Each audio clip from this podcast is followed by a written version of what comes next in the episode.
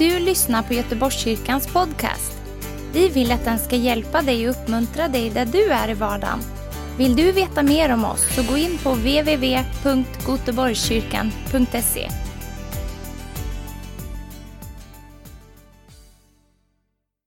Tack så jättemycket. Jag eh, är väldigt inspirerad att få förkunna om den här båtresan. Och det är inte för att jag gillar att åka båt, jag är ju fruktansvärt sjösjuk och får eh, mata fiskarna. Och, eh, jag har varit med ute till havs och bara önskat att jag bara ska få sluta mitt liv så dåligt jag har mått. Eh, spytt 15 gånger under en enda eh, resa, ni förstår det är inte mycket kvar, varken av vätska eller av en själv.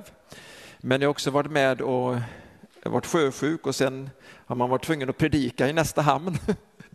Så det går också att göra det. Men något liknande det här eh, finns ju inte i, i, i min värld, liknande upplevelser som Paulus får vara med om, liknande resa som han är med om i Apostlagärningarna eh, 27. Men det Paulus får under den här resan, det är ett så starkt tilltal. Och det han hade med sig innan resan, det var också ett budskap att han skulle stå i Rom, han skulle stå inför kejsaren och han skulle vittna om sin frälsare och om Guds rike.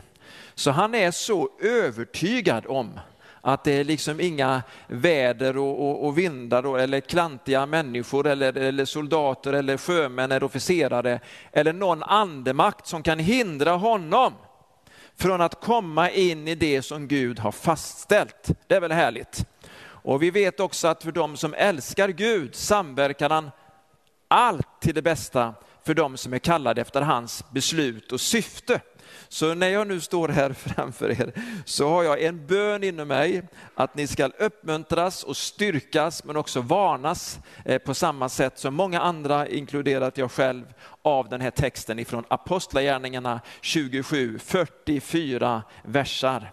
Så ha tålamod, ha en hunger efter Gud. I Jesu namn. Så Fader nu tackar jag dig för att ditt ord det ska gå in och det ska gå fram. Och det ska inte bara samlas som en informationsdisk i huvudet utan det ska ner i hjärtat och det ska ut i händerna och det ska upp i tankarna och det ska ut i munnen. Och vi ska få följa dig därför att du talar till oss genom det skrivna ordet men också genom att den helige ande ger särskild uppenbarelse utifrån det som är din sanning. Så vägled oss nu helige ande. Och så ber jag speciellt för den som bara upplever, eller för alla de som upplever att det stormar, det inte bara stormar, utan det är en fruktansvärd tyfon och man undrar hur ska det gå? Och att för många människor i världen där allt hopp verkar vara ute, men där vi kan komma som din församling, som andefyllda kristna och säga ord ifrån dig. Tack att vi ska stå där Herre och vara så beredda, parata i Jesu namn. Och alla som vill vara med på det här säger Amen. Då är det bra. Och du också som är med oss på något sätt digitalt extra mycket välkommen. Innan jag läser eh, den här texten från Apostlagärningarna 27 så ska jag läsa första Timoteus kapitel 1 och 18 så att jag inte glömmer bort det. För jag blir påminn om det här uppe på bönemötet innan. För det handlar om det profetiska tilltalets syfte. För många människor tror att, att profetian handlar om att människor ska bli bekräftade. Men det är djupare än så. Det finns en, ett högre syfte. Så om du bara söker profetiska budskap för att få bekräftelse så tänker du fel. Du ska söka det för att du vill ha Guds vilja i ditt liv, men måste också vara beredd att göra Guds vilja. Annars kommer du att bli hård i ditt hjärta genom din olydnad. Så vill du ha tilltal från Gud så måste du också vara villig att gå med det. Det är liksom inte options, att Gud ger dig en rekommendation. Om du har tid och möjlighet, vill, önskar, har en bra dag, då kan du lyda mig.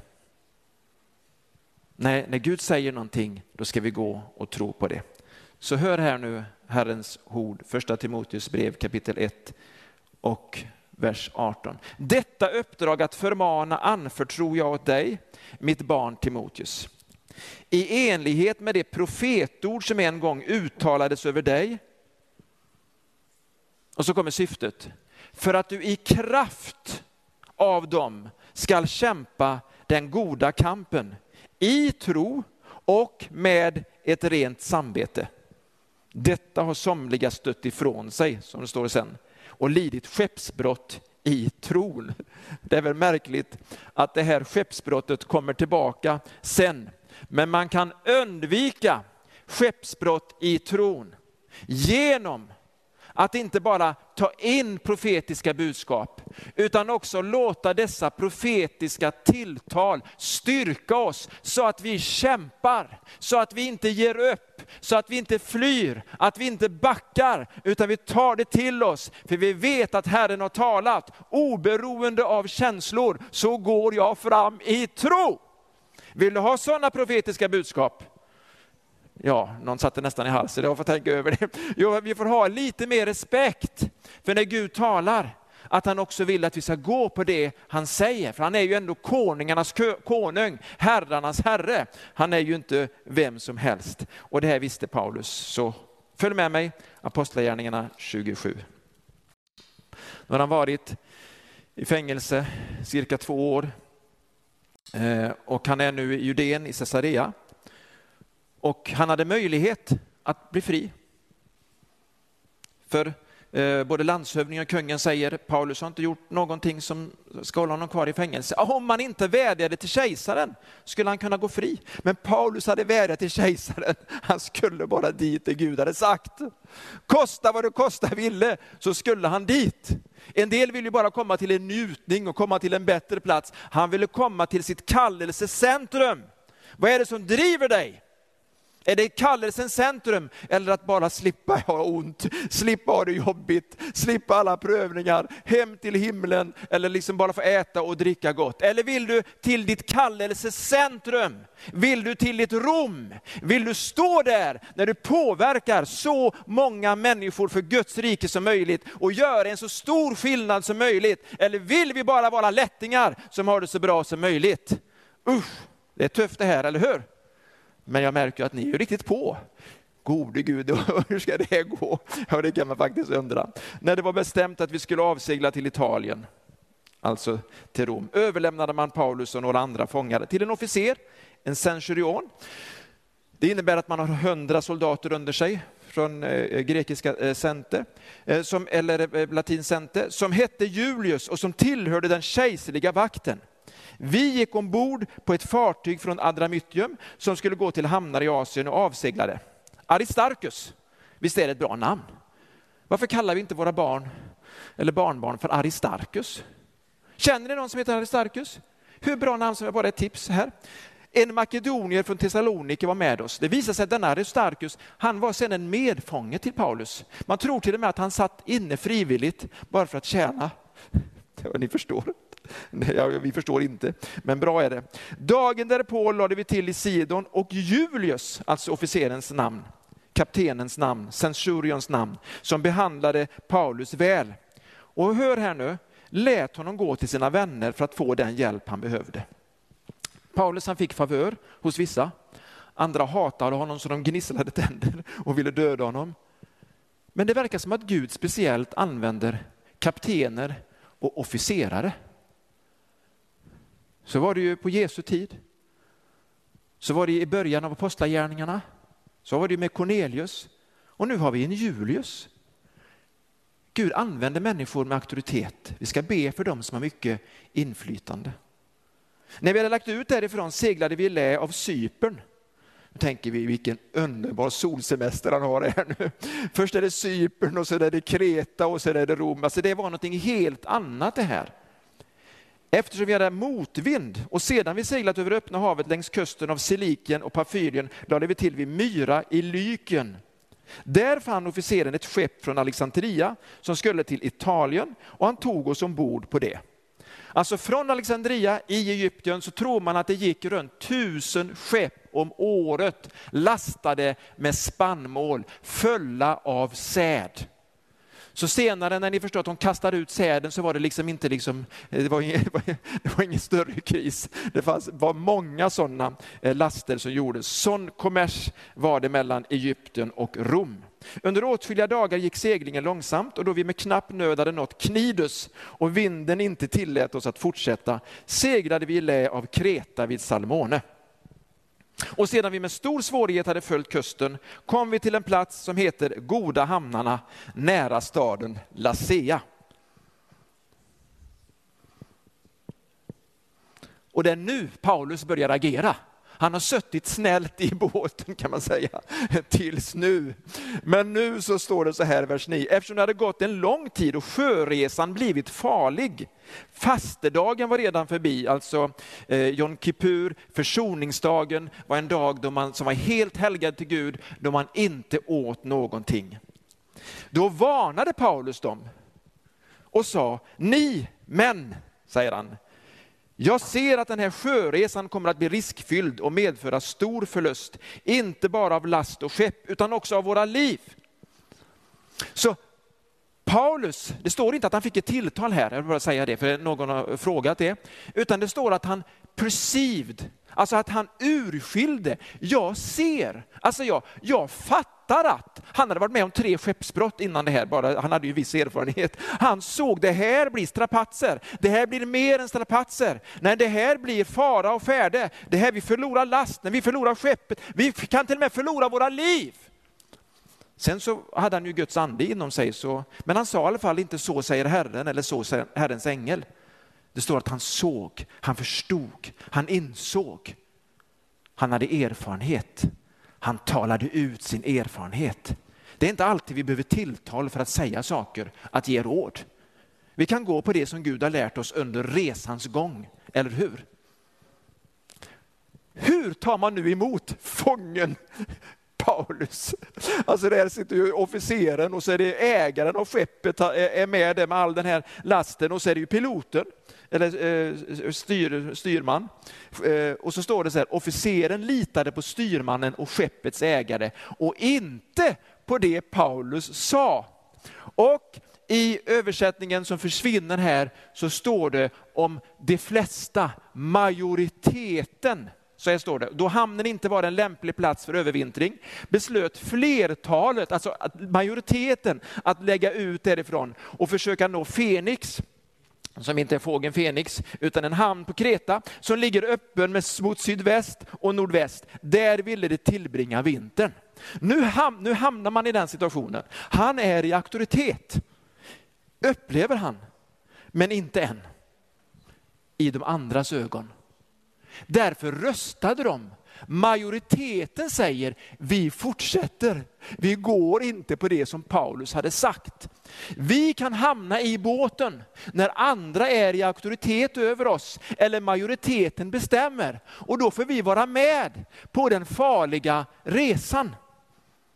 Av samma tro, men vi kan inte fly. Vi måste ändå vara med. Vi är i sådana situationer, i våra arbetsplatser, i våra relationer, i det som vi är i, att vi är inte alltid i auktoritet. Vi är inte alltid i majoritet. Vi kan vara i minoritet och vi kan ha Guds ande inom oss och vi kan säga det som är sant och ge goda råd. Men det är inte alltid de följs. Men förtroendet byggs ju upp så småningom. Så jag tal, talar jag till rätt publik här? Talar jag till människor som känner, ja men jag vill göra en skillnad.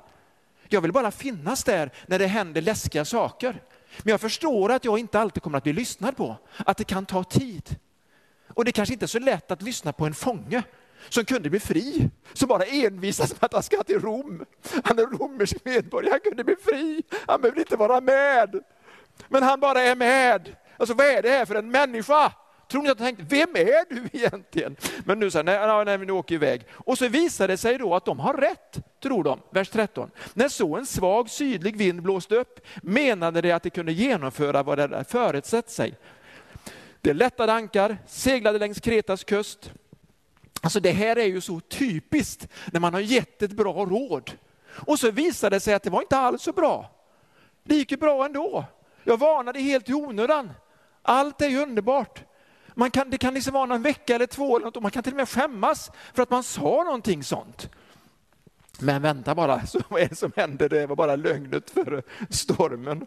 Så står det sen, inte långt därefter svepte en kraftig virvelstorm, alltså någon form av tyfon, den så kallade nordosten, ner från ön.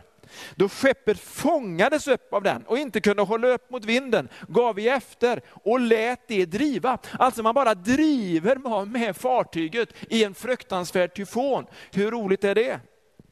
Ångest, skräck, fruktan.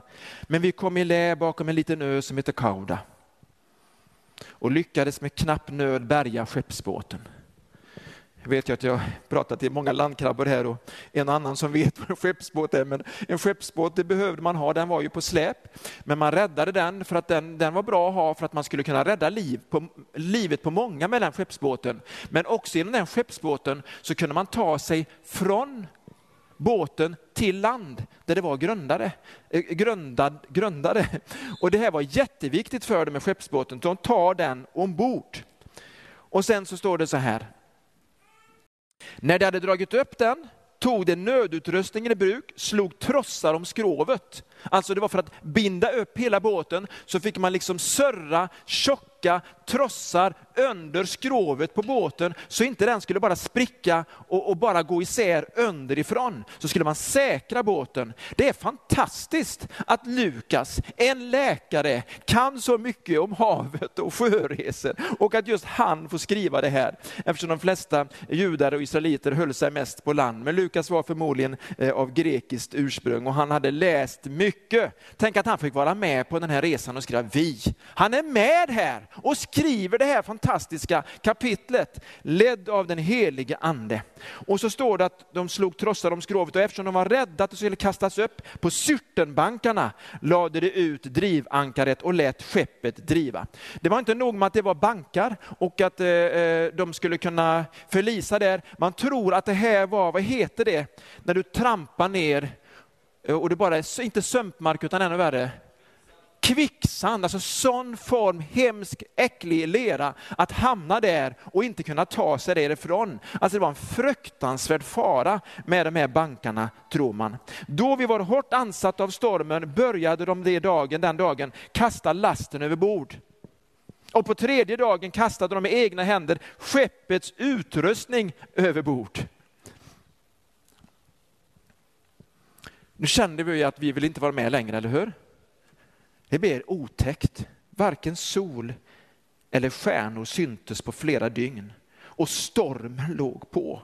Så att vi till sist förlorade allt hopp om räddning.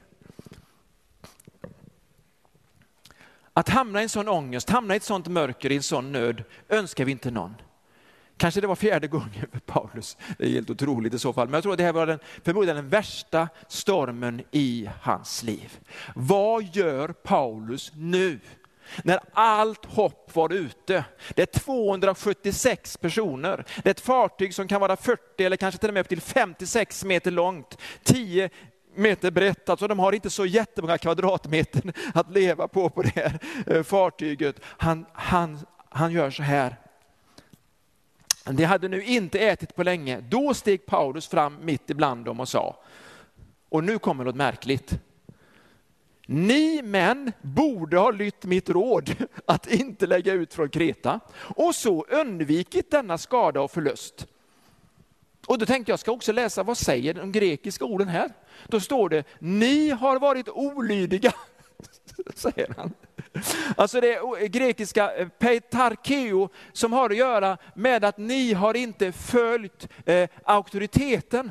Ni har varit olydiga mot min auktoritet. Jag gav er råd. Om ni hade lytt mina råd så hade det här inte hänt. Då hade ni kunnat undvika den här skadan och förlusten. Men nu, nu har han liksom förmanat dem och sagt, vad var det jag sa, fast lite skarpare. Uh, ni har varit olydiga. Alltså vem är den här mannen?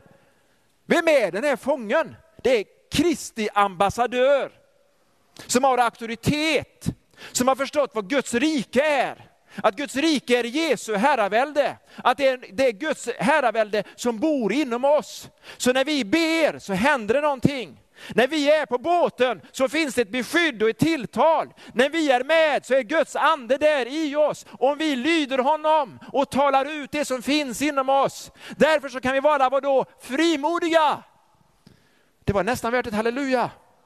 Vi kan vara väldigt frimodiga och jag bara, jag bara säger det här till er. Ibland får man säga till människor, ni skulle följt mitt råd. Jag har med Gud att göra. Men det behöver inte Paulus säga så mycket, det bara visar sig till slut. Det visar sig. Och så står det så här, nu uppmanar er att vara vid gott mod. Cheer up, keep up your courage. Inte en enda av er ska mista livet, bara fartyget ska gå under.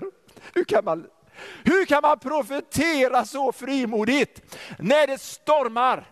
När det är kompakt mörker, när man inte har ätit på många dagar, när man har panik. Paulus kunde det, därför Guds ande bodde i honom. Daniel kunde sitta bland lejonen, hungriga lejon, och bara sova. Men kungen var orolig en hel natt. Därför Guds ande var i David. Josef kunde stå inför kung farao och bara profetera, tolka drömmar och säga, så här ska du göra sen och ge kungen råd hur han skulle sköta hela administrationen för, mat, för maten i, i, i framtiden. Vad är det för någonting? Det är Guds ande. Var är Guds ande någonstans? I lilla mig och i lilla dig. Han som är i oss är större än den som är i... Tack Boris. Han som är större är i, är, han som är i oss är större än den som är i världen. Alltså det här är ett väldigt uppmuntrande budskap. Så du kan se lite glad ut, men jag förstår att du är rädd. Du tänker, jag drunknar snart, jag drunknar snart. Gud, kom inte bara med ord, jag vill se liksom din hand också. Nu ska vi se vad som händer. En ängel från den Gud som jag tillhör och tjänar stod nämligen bredvid mig i natt, säger Paulus nu. Nu säger han vad som har hänt. Alltså de andra är så rädda. Och Paulus han har änglabesök. Så det är ju, jag, jag, till och med jag hade varit tacksam om jag fick ett änglabesök mitt i natten. Jag har sagt förut att jag är så rädd att en ängel ska komma, för jag, jag är så lättskrämd. Jag vet inte vad som hade hänt. Jag är så lättskrämd, alltså, så skräm mig inte. Men eh, in den natt tror jag att jag har sagt wow, halleluja, jag är ljus i mörkret. För jag kan nog förmodligen inte bli räddare än att jag ska drunkna. Jag kan förmodligen inte må illa, mer illa än att jag, jag spyr eh, gallan ur mig. Och så står det så här, och han sa, vers 24, huvudversen i hela det här sammanhanget, fantastiskt. Frukta inte Paulus. Och så kommer det igen. Du skall stå inför kejsaren. Visst är det bra? Och sen så säger han någonting mer. För nu handlar det inte bara om Paulus och uppdraget. Nu handlar det också om människorna som var med Paulus när han skulle utföra sitt uppdrag. Därför så står det, alla de som seglar med dig har Gud skänkt dig. Var därför vid gott mod, ni män. Alltså ordet skänkt, det är ett ord som, som handlar om eh, en gåva utav välvilja, utav favör, utav nåd. Utav nåd så skänker Gud oss människorna som är med oss när vi går på hans uppdrag. När vi är i hans vilja så kommer också beskyddet över dem som är i båten med oss. Woo! Alltså det här följer ju, vi har ju, hallå Noa och arken. Vilka var det som räddades? De som trodde. Vi tar Mose, Israels barn. Vilka var det som räddade? De som följde och trodde, eller hur? Alltså det händer någonting när vi följer och tror. Det blir en konsekvens. Halleluja, det är ju riktigt bra det här. Så står det så här, var därför vid gott mod, ty den tilltron har jag till Gud att det blir som han har sagt mig.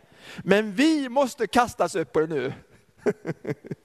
Jag vet inte vad han tänkte på, han tänkte väl kanske på, på Jona som blev uppkastad eh, på land från en valfisk. Då hade de också panik, det var också en båt och Gud var där också i den båten. Visst är det märkligt? Och när Jona omvänder sig så räddar Gud alla de som var i den båten. Så det här finns någonting som går som en röd tråd genom Bibeln. Att Gud räddar oss, men inte bara oss, utan alla som är med oss i båten. Men villkoret är att vi lyder, att vi följer, att vi inte blir passiva, att vi inte tappar modet, utan att vi talar ut det som Gud har sagt till oss och söker rädda människorna som är med oss. Vad gör han sen? Vers 27. Den fjortonde natten, alltså det är många, det är en lång storm. Den fjortonde natten kom och vi drev omkring på Adriatiska havet. Vid midnatt började sjömännen förstå att det närmade sig land. Det lodade och fann 20 famnars djup. En famn är lite så här stor fast lite större. Ni förstår det, jag är en liten man. Kort därefter lodade det igen och fann att djupet var 15 famnar. De var rädda för att vi skulle driva upp på något skarpt skär och kastade därför ut fyra ankare från akten och längtade efter att det skulle bli dag. Men sjömännen gjorde ett försök att fly från skeppet och firade ner skeppsbåten i sjön under förevändning att de skulle kasta ut ankare från fören. Alltså de bluffade. De hade en plan. Vi säger ingenting. Vi tar skeppsbåten och så säger vi, låtsas som att vi måste kasta ut ankare vid fören också. Så att, du, du, du, Paulus han bara förstår det, han ser det. Vi vet inte hur. Men när Paulus eh, ser det här så, så står det så här. Men äh, soldat, eh, eh, för att, eh, soldaterna, nej förlåt, var är jag nu? 30, 31 tack. Paulus sa till officeren och soldaterna, om inte dessa stannar kvar ombord kan inte ni räddas. Då kapade soldaterna trossarna på skeppsbåten och lät den driva. Här var det inte längre majoriteten. Här var det liksom ingen röstning. Här bara liksom Paulus, ha, ha, kapa dem bara. Och jag tror det var för drastiskt. Varför skulle de göra så? De kunde bara liksom tagit tillbaka sjömän liksom tillbaka i båten. De förlorar ju skeppsbåten. Alltså det kan, jag tror att nu blir det plötsligt för mycket bara. Men fortfarande har Gud kontrollen. Halleluja. Men nu så lyder alla Paulus, hans auktoritet. Ingen ifrågasätter det ord han har fått. Och vers 33, just innan det dagades uppmanade Paulus alla att äta. Alltså de har inte ätit på 14 dagar. Nu har ni väntat och varit utan mat och inte ätit något, därför uppmanar jag er att äta. Det behöver ni för att bli räddade. För ingen av er ska förlora så mycket som ett hårstrå på era huvuden. Alltså nu går han lite väl långt. Det vet ju ni som kan kolla in när, när någon har duschat att det är rätt så många hår kvar där. Alltså, de, de var ute till havs. Det blåste rätt så mycket, men inte ett hår. Jag vet inte liksom, om det här kan vara sant. Jag känner nästan att jag börjar tveka här, men ni förstår ju bilden som han tar ifrån Jesus. Att han vet att Gud, han har till och med räknat håren på våra huvuden. Han har full kontroll i en, varenda detalj. Visst är det underbart? Jag liksom var ju med om att nästan förlora ögat i veckan i måndags. Fick en, en gren rätt i ögat, gjorde fruktansvärt ont, det sved till. Jag bara liksom känner, hur gick det? Kan jag se? Jag bara sitter där i, i trädgården och bara väntar på att och när jag förstår att jag kan se så glömmer jag bort det sen. Men det, det blev i alla fall väldigt, väldigt rött. Men jag tänkte bara, när jag lägger mig på kvällen, så tack gode Gud, det var nära ögat. Varenda hårstrå skulle vara kvar. Alltså det är en detalj som Gud ser oss. Det är fantastiskt och det är så uppmuntrande. Och så står det sen eh, så här, när han hade sagt detta tog han ett bröd, tackade Gud inför dem alla och bröt det och började äta. Då fick alla nytt mod och tog sig mat, också de. Vi var allt som allt 276 personer. Efter att ha ätit sig mest mätta lättade de skeppet genom att kasta vetelasten i sjön. Alltså han började som fånge. Sen blev han kommendör och säger så här ska ni göra och dit ska ni gå. Och så profeterar han. Och sen så, så vad gör han mer? Han, han blir en mamma.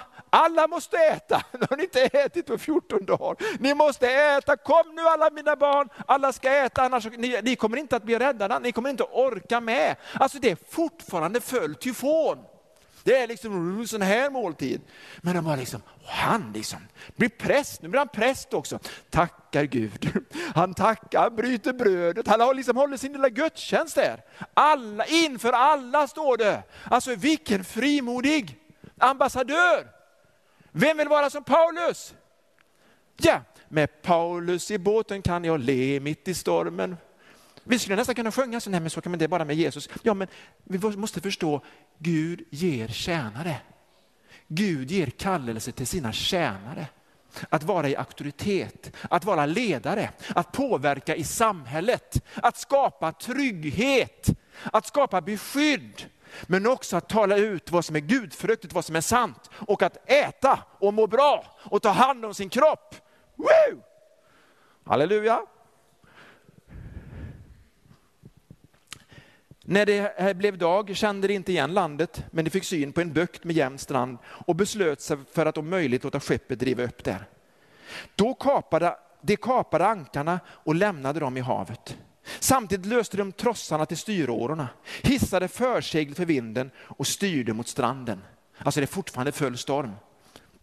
Men det drev mot ett rev och lät skeppet gå upp på det. Fören borrade sig in och stod orubbligt fast, under det att akten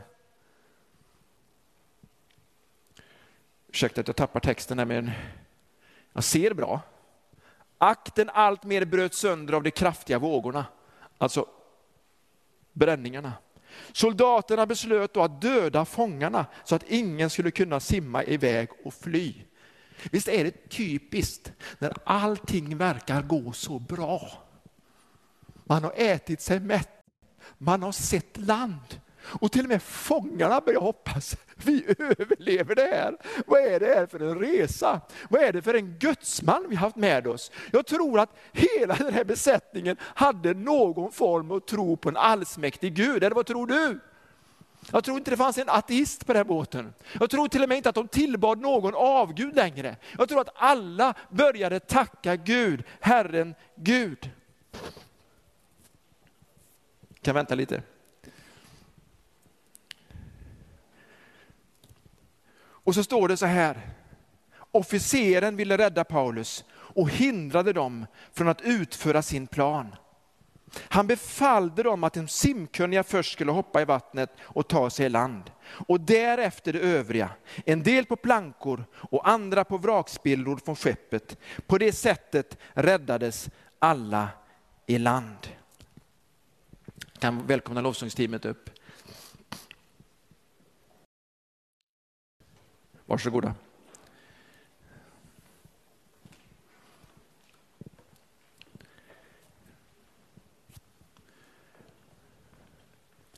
Ibland är det så här att vi tror att nu är, allt, nu är vi i hamn. Nu är vi framme. Nu ser vi land.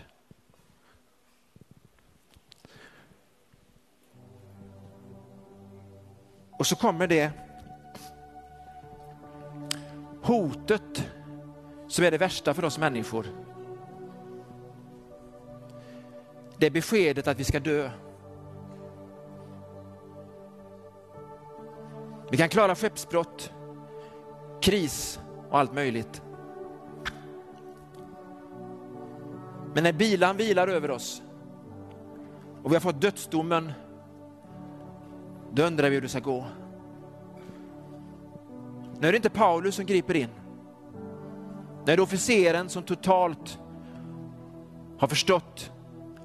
Paulus ska leva. Det ska inte sluta så här. Officeren hindrar soldaterna från att döda alla fångarna. Hur kunde soldaterna få för sig en sån idé? Då soldaterna skulle själva få dö eller komma i fängelse om fångarna flydde. Så det var skarpt läge. En del kan till och med förstå dem. Men då träder officeren fram, en räddningsplan. De som kan simma, simmar. De som inte kan simma får komma i land på vrakspillror. Och alla 276 personerna räddades. Hur tror ni att det kändes för dem när de kom i land efter denna stormen på 14 dagar? Kanske de kysste land, kanske de kramade om varandra. De kanske tittade på Paulus och säger, gode Gud, han är fort, kan inte han bli benådad eller fri? Nästa söndag så handlar det om vad som händer i, i Malta, på ön. Det är både bra och dåligt. Det är både prövningar och fantastiska saker. Men idag handlar det om ditt och mitt liv. Vem vill du vara?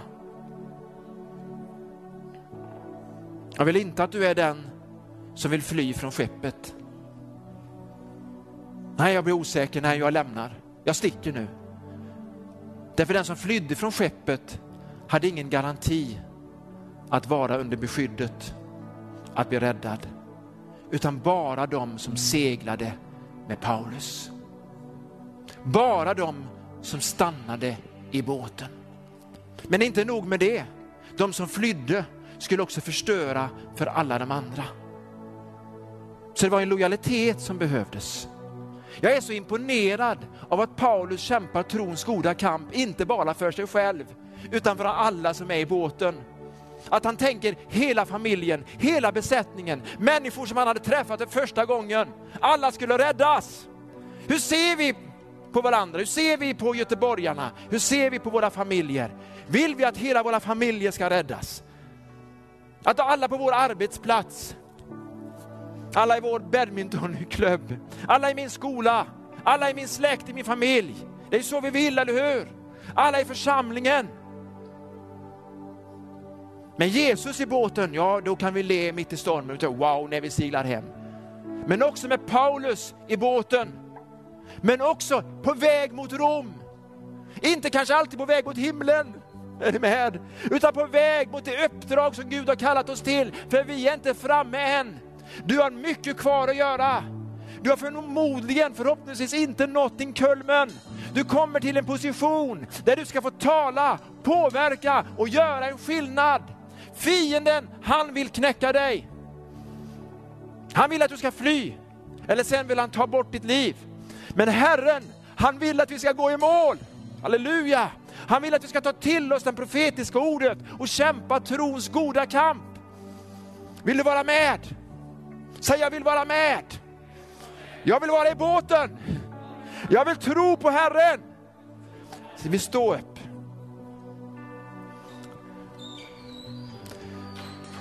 Paulus säger att det här är ett ord att lita på.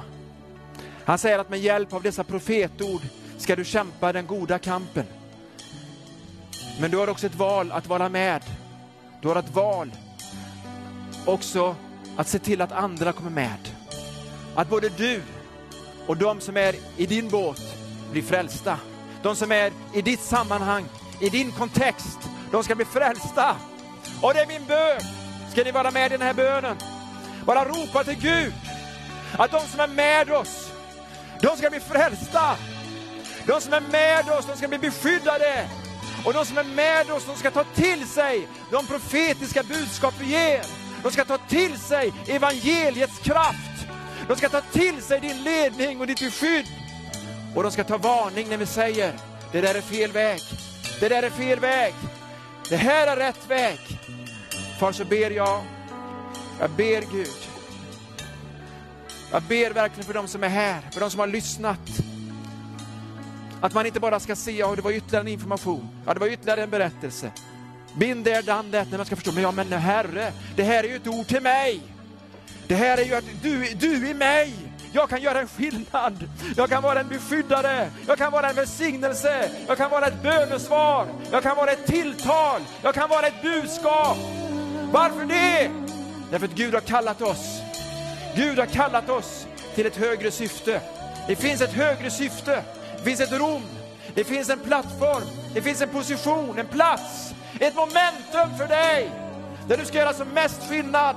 Så var det för Daniel. Så var det för Josef.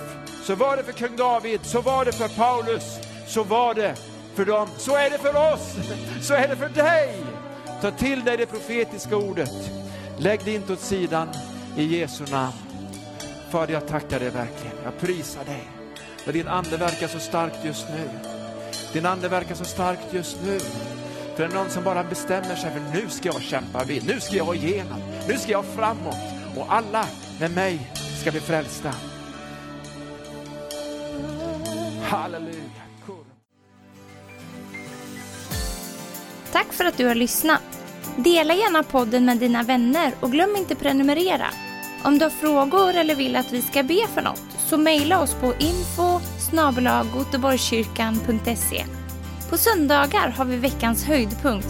Då firar vi gudstjänst tillsammans och det vore så kul att träffa dig där. Men vi har även samlingar för barn då?